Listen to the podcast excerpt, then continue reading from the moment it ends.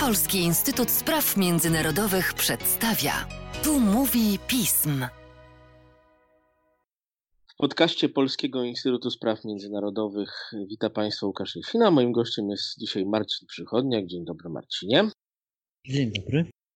Skoro ty to Chiny, ale właściwie rejon przynajmniej formalno-prawnie autonomiczny tego państwa, Hongkong, którym mamy właśnie, przeżywamy my z daleka, mieszkańcy z bliska, kolejną odsłonę poważnego konfliktu między wieloma mieszkańcami tej byłej brytyjskiej kolonii, a władzami centralnymi Chin. Do tego Hongkong stał się ważnym elementem stosunków międzynarodowych, a nawet czegoś w rodzaju kolejnej eskalacji w relacjach chińsko-amerykańskich z uwagi na wypowiedź sekretarza stanu Mike'a Pompeo. Marcinie, pytanie proste, jak zazwyczaj podczas naszych rozmów. Co się w Hongkongu dzieje i co dalej z Hongkongiem się stanie? Pytanie proste, odpowiedź e, połamana i skomplikowana dość. E, Hongkong to piękne miasto e, i bardzo piękny, interesujący region, ale ważny gospodarczo, ważny politycznie, e, z którym dużo się dzieje i to nie od dzisiaj, no bo można by ciągnąć opowieść parę, paręnaście, parę dziesiąt lat wstecz, ale skupmy się na zeszłym roku kiedy ta w Hongkongu y, rozpoczęły się dość gwałtowne protesty e, mieszkańców, wynikające z wielu różnych różnic, jakie one, oni mieli w odniesieniu do władzy w Pekinie. A generalnie, w dużym skrócie ujmując, uważali, że władze w Pekinie próbują e, zmienić istniejący porządek prawny w Hongkongu w sposób, który po pierwsze, do którego nie mają prawa do 2047 roku, co wynika z porozumienia z Brytyjczykami i tak dalej, i tak dalej, ale w dużym skrócie próbują znieść to tak zwaną zasadę i jedno państwo, dwa systemy, czyli e, pozbawić Hongkong jego swobód polityczno-prawno-gospodarczych, dzięki którym to swobodom tak naprawdę to miasto gospodarczo kwitło przez wiele lat i przez wiele lat, ostatnio trochę mniej, ale nadal było ważnym elementem chińskiej gospodarki.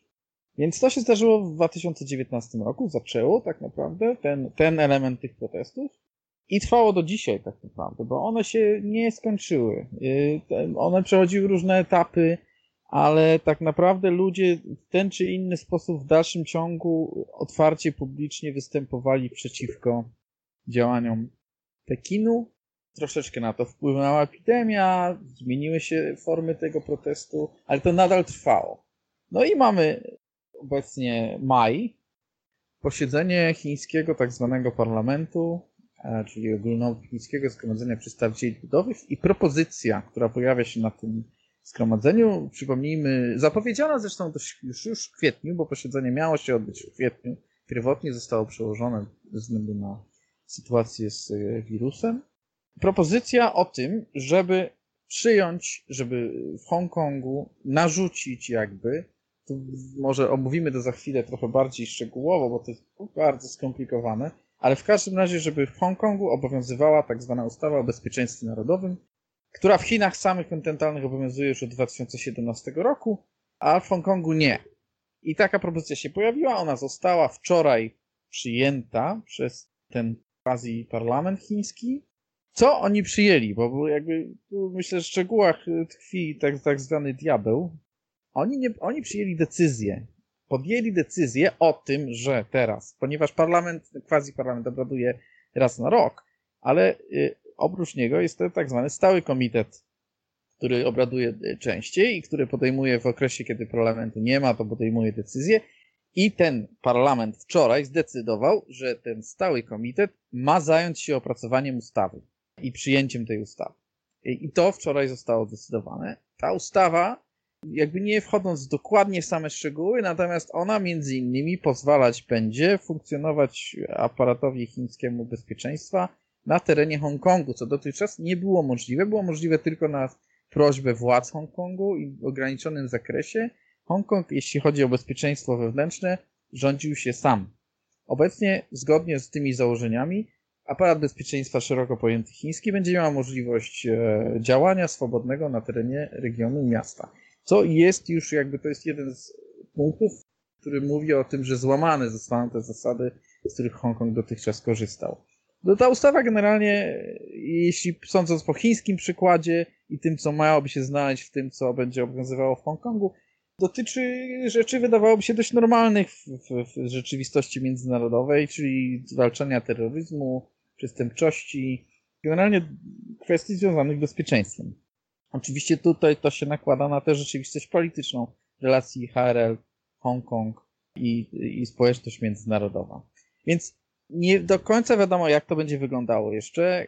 Władze w Pekinie podjęły taką inicjatywę, ponieważ tutaj, i tu znowu troszeczkę trzeba zrobić dygresję, ponieważ ustawa zasadnicza w Hongkongu, artykuł 23 tej ustawy zasadniczej, nakładał podobny obowiązek na władze w Hongkongu, którego one jednak nie zrobiły. Nie zrobiły z wielu powodów, głównie z tego, że nie było na to zgody mieszkańców Hongkongu.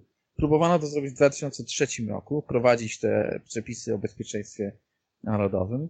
E, były ogromne protesty, wycofano się z tego. Obecna pani Carrie Lam, e, Chief Executive, jakby to nazwać, powiedzmy w cudzysłowie, premier Hongkongu, tak? chociaż to, to jest złe określenie, ale, ale osoba, e, i, organ wykonawczy Prost wcześniej mówiła, że tego nie zamierza wprowadzać tego artykułu, znaczy implementować, tak powiem, wdrożyć artykułu 23 w, w system prawny hongkoński. No w związku z tym inicjatywa przyszła w stronę Pekinu i który w, tym, w tej decyzji też podjętej wczoraj sygnalizuje, jakby zostawia furtkę. Mówi o tym, że artykuł 23, czyli władze Hongkongu mają ciągle szansę, żeby zrobić to same. Wprowadzić te same przepisy, ale jakby własnymi rękoma. Ale jeśli nie, no to e, Chin, Chiny kontynentalne, Pekin skorzysta z możliwości umieszczenia przepisu w tak zwanym aneksie, aneksie trzecim. Aneks ten zawiera przepisy ustawy, prawa, które obowiązują w Hongkongu, ale przyjęte przez Pekin. W dużym skrócie rzecz biorąc. Więc to, to jest taka, to, taka tego typu w tej chwili sytuacja. Nic jeszcze nie jest rozstrzygnięte oczywiście. Nie, nie można powiedzieć, że to już obowiązuje w Hongkongu. Jeśli to zostanie wprowadzone, to rzeczywiście jednak można powiedzieć, że praktycznie zasada jedno państwo, dwa systemy przestała istnieć tak naprawdę, a Hongkong, a przynajmniej władze chińskie mają wszelkie możliwości już prawne i wykonawcze, żeby egzekwować prawo w Hongkongu tak, jak uznają to za stosowne, co jednocześnie oznacza, że ten podstawowy atrybut Hongkongu, którym jest niezależny system prawny, co pozwalało mu gospodarczo kwitnąć przez wiele lat, przestaje istnieć. Marcinie, i tutaj bardzo ważne pytanie. Na ile dla, dla świata, dla Unii Europejskiej, Stanów Zjednoczonych, tu wrócę oczywiście do wypowiedzi pana Mike'a Pompeo, ważne jest utrzymanie tej autonomii Hongkongu. Czy to jest instytucja w jakiś sposób zagwarantowana prawem międzynarodowym, poza oczywiście porozumieniem chińsko-brytyjskim z lat 80.? To jakby jest w tym sensie, że to znajduje się w, w, w katalogu Organizacji Narodów Zjednoczonych i w tym sensie społeczność międzynarodowa powinna wymagać od Chińskiej Republiki Ludowej poszanowania tej zasady na pewno do 2047 roku. Tak? tak to miało wyglądać. Jak zwykle diabeł tkwi w szczegółach, zwłaszcza w kwestiach prawnych oczywiście, więc na pewno pewne, pewne, pewne kwestie tu są częścią interpretacji. Natomiast częścią interpretacji nie jest raczej to, czy Hongkong ma prawo do swobodnego do, do odrębności polityczno-prawnej. A że ta, ta decyzja ją łamie, moim zdaniem tak. I nie tylko moim. Znaczy, wspomniałeś o wypowiedzi sekretarza Pompeo, który stwierdził, że Hongkong nie jest już część niezależnym od Chin, tak? Nie, nie jest e, odrębną częścią.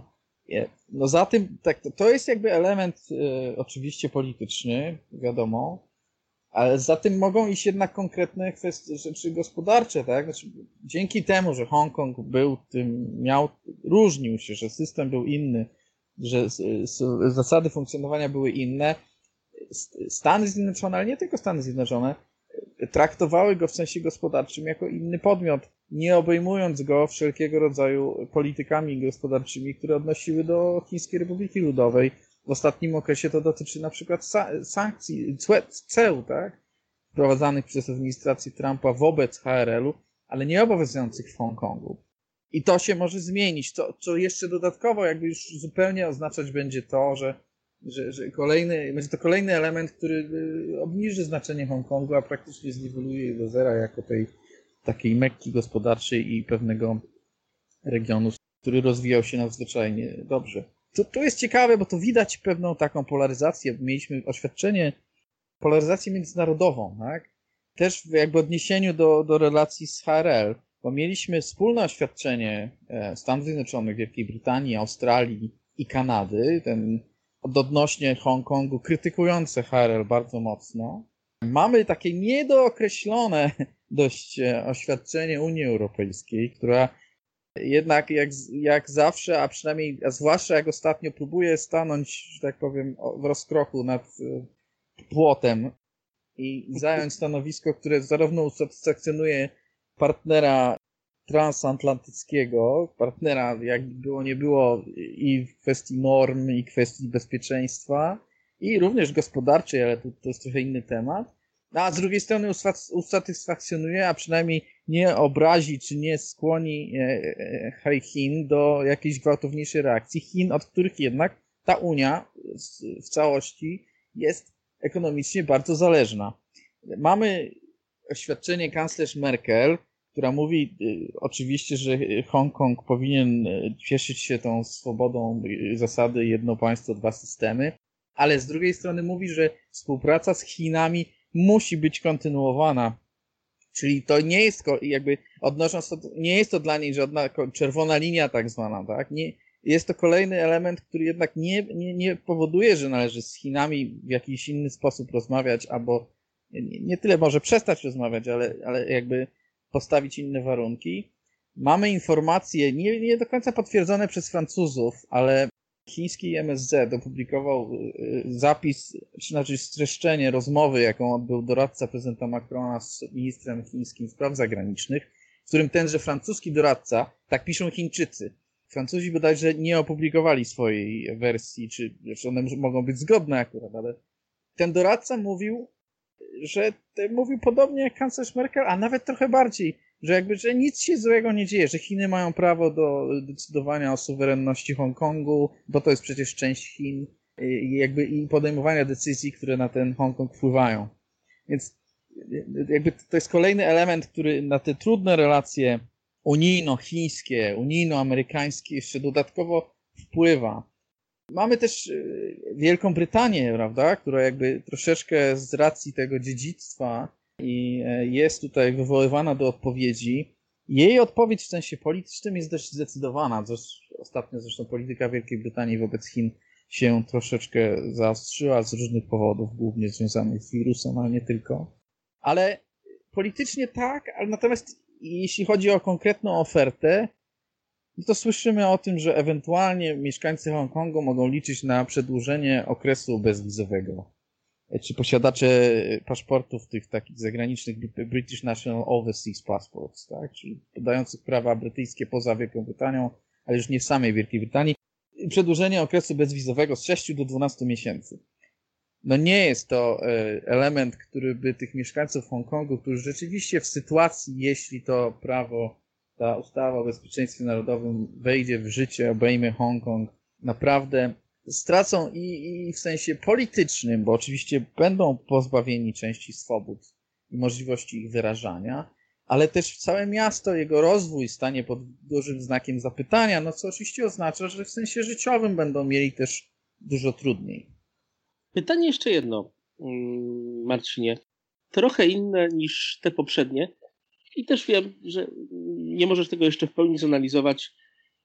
A co to daje władzom Chin? Czy y, dzięki temu, że zmobilizuje się patriotycznie chociażby masy ludzkie w Chinach, dzięki takiemu zglajszachtowaniu Hongkongu, że posłużę się terminologią za 30., to Chiny, że tak powiem, zrekompensują sobie straty związane z obniżeniem y, pewnych kwestii gospodarczych w Hongkongu, które będą miały miejsce po tym ograniczeniu autonomii? No tak, to jest bardzo ciekawe pytanie, bo to ono dotyczy tego dylematu, który jest szerszy chyba, jeśli chodzi o chińską politykę, czyli co jest ważniejsze. Czy ważniejsze jest utrzymanie wzrostu gospodarczego, rozwój gospodarki, jego, jej zreformowanie i jakby dążenie do tego, żeby te Chiny gospodarczo były bardziej innowacyjne i tak dalej, i tak dalej, czy ważniejsza jest polityka, czyli ważniejsze jest mobilizacja e, e, partii, co ważniejsze jest elementy nacjonalistyczno-patriotyczne, jakby polityczna e, dominacja Chin na świecie już docelowo, bo te dwa elementy ze sobą jakoś w chińskiej polityce rywalizowały. Ja powiedziałem rywalizowały, bo moim zdaniem to, co się dzieje w Hongkongu, ale nie tylko, Hongkong to jest jeden z wielu elementów ostatnio w chińskiej polityce, pokazuje, że jednak polityka, że się powtórzę, przeważa. A czy, że e, nawet ryzykując, e, otwierając jakby kolejny front, bo przecież ta ustawa otwiera kolejny, e, powiem tak, militarny front ze Stanami Zjednoczonymi, tak? Znaczy już za chwilę, bodajże jutro, prezydent Trump zajmie oficjalne stanowisko w tej sprawie i tu raczej nie, znaczy, na dwoje babka wróżyła trochę, bo oczywiście no, są, są jakby elementy, które mogą wpłynąć na to, co on powie, ale nie należy się spodziewać, że on do tego podejdzie łagodnie. Czyli jakby co władze chińskie musiały brać pod uwagę. Ale jednak zdecydowały się to postawić, przegłosować i pracować dalej nad tą ustawą.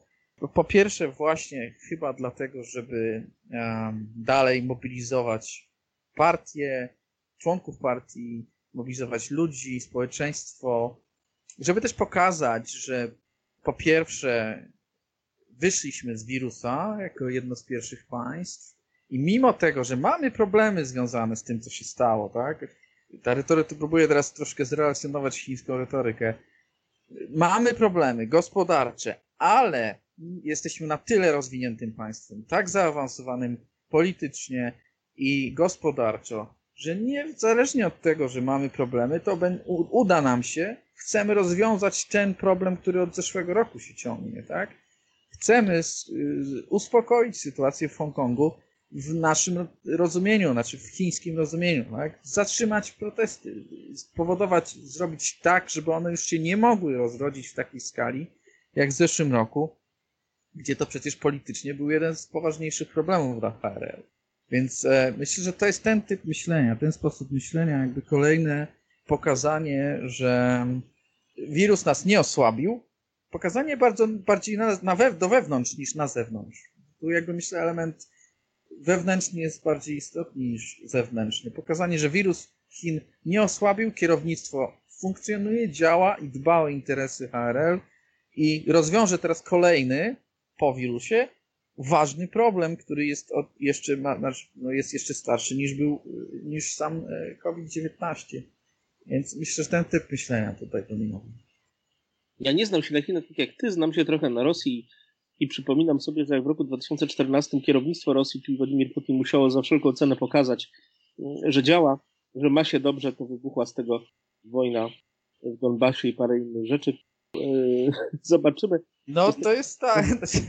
Nie sądzę, żebyśmy tutaj doczekali się jakiejś wojny w, w krótkiej czy dłuższej perspektywie, ale w bardzo długiej. No, obawiam się, że niestety, zwłaszcza w tym, co się dzieje w relacjach chińsko-amerykańskich, stuprocentowo tego wykluczyć już nie można.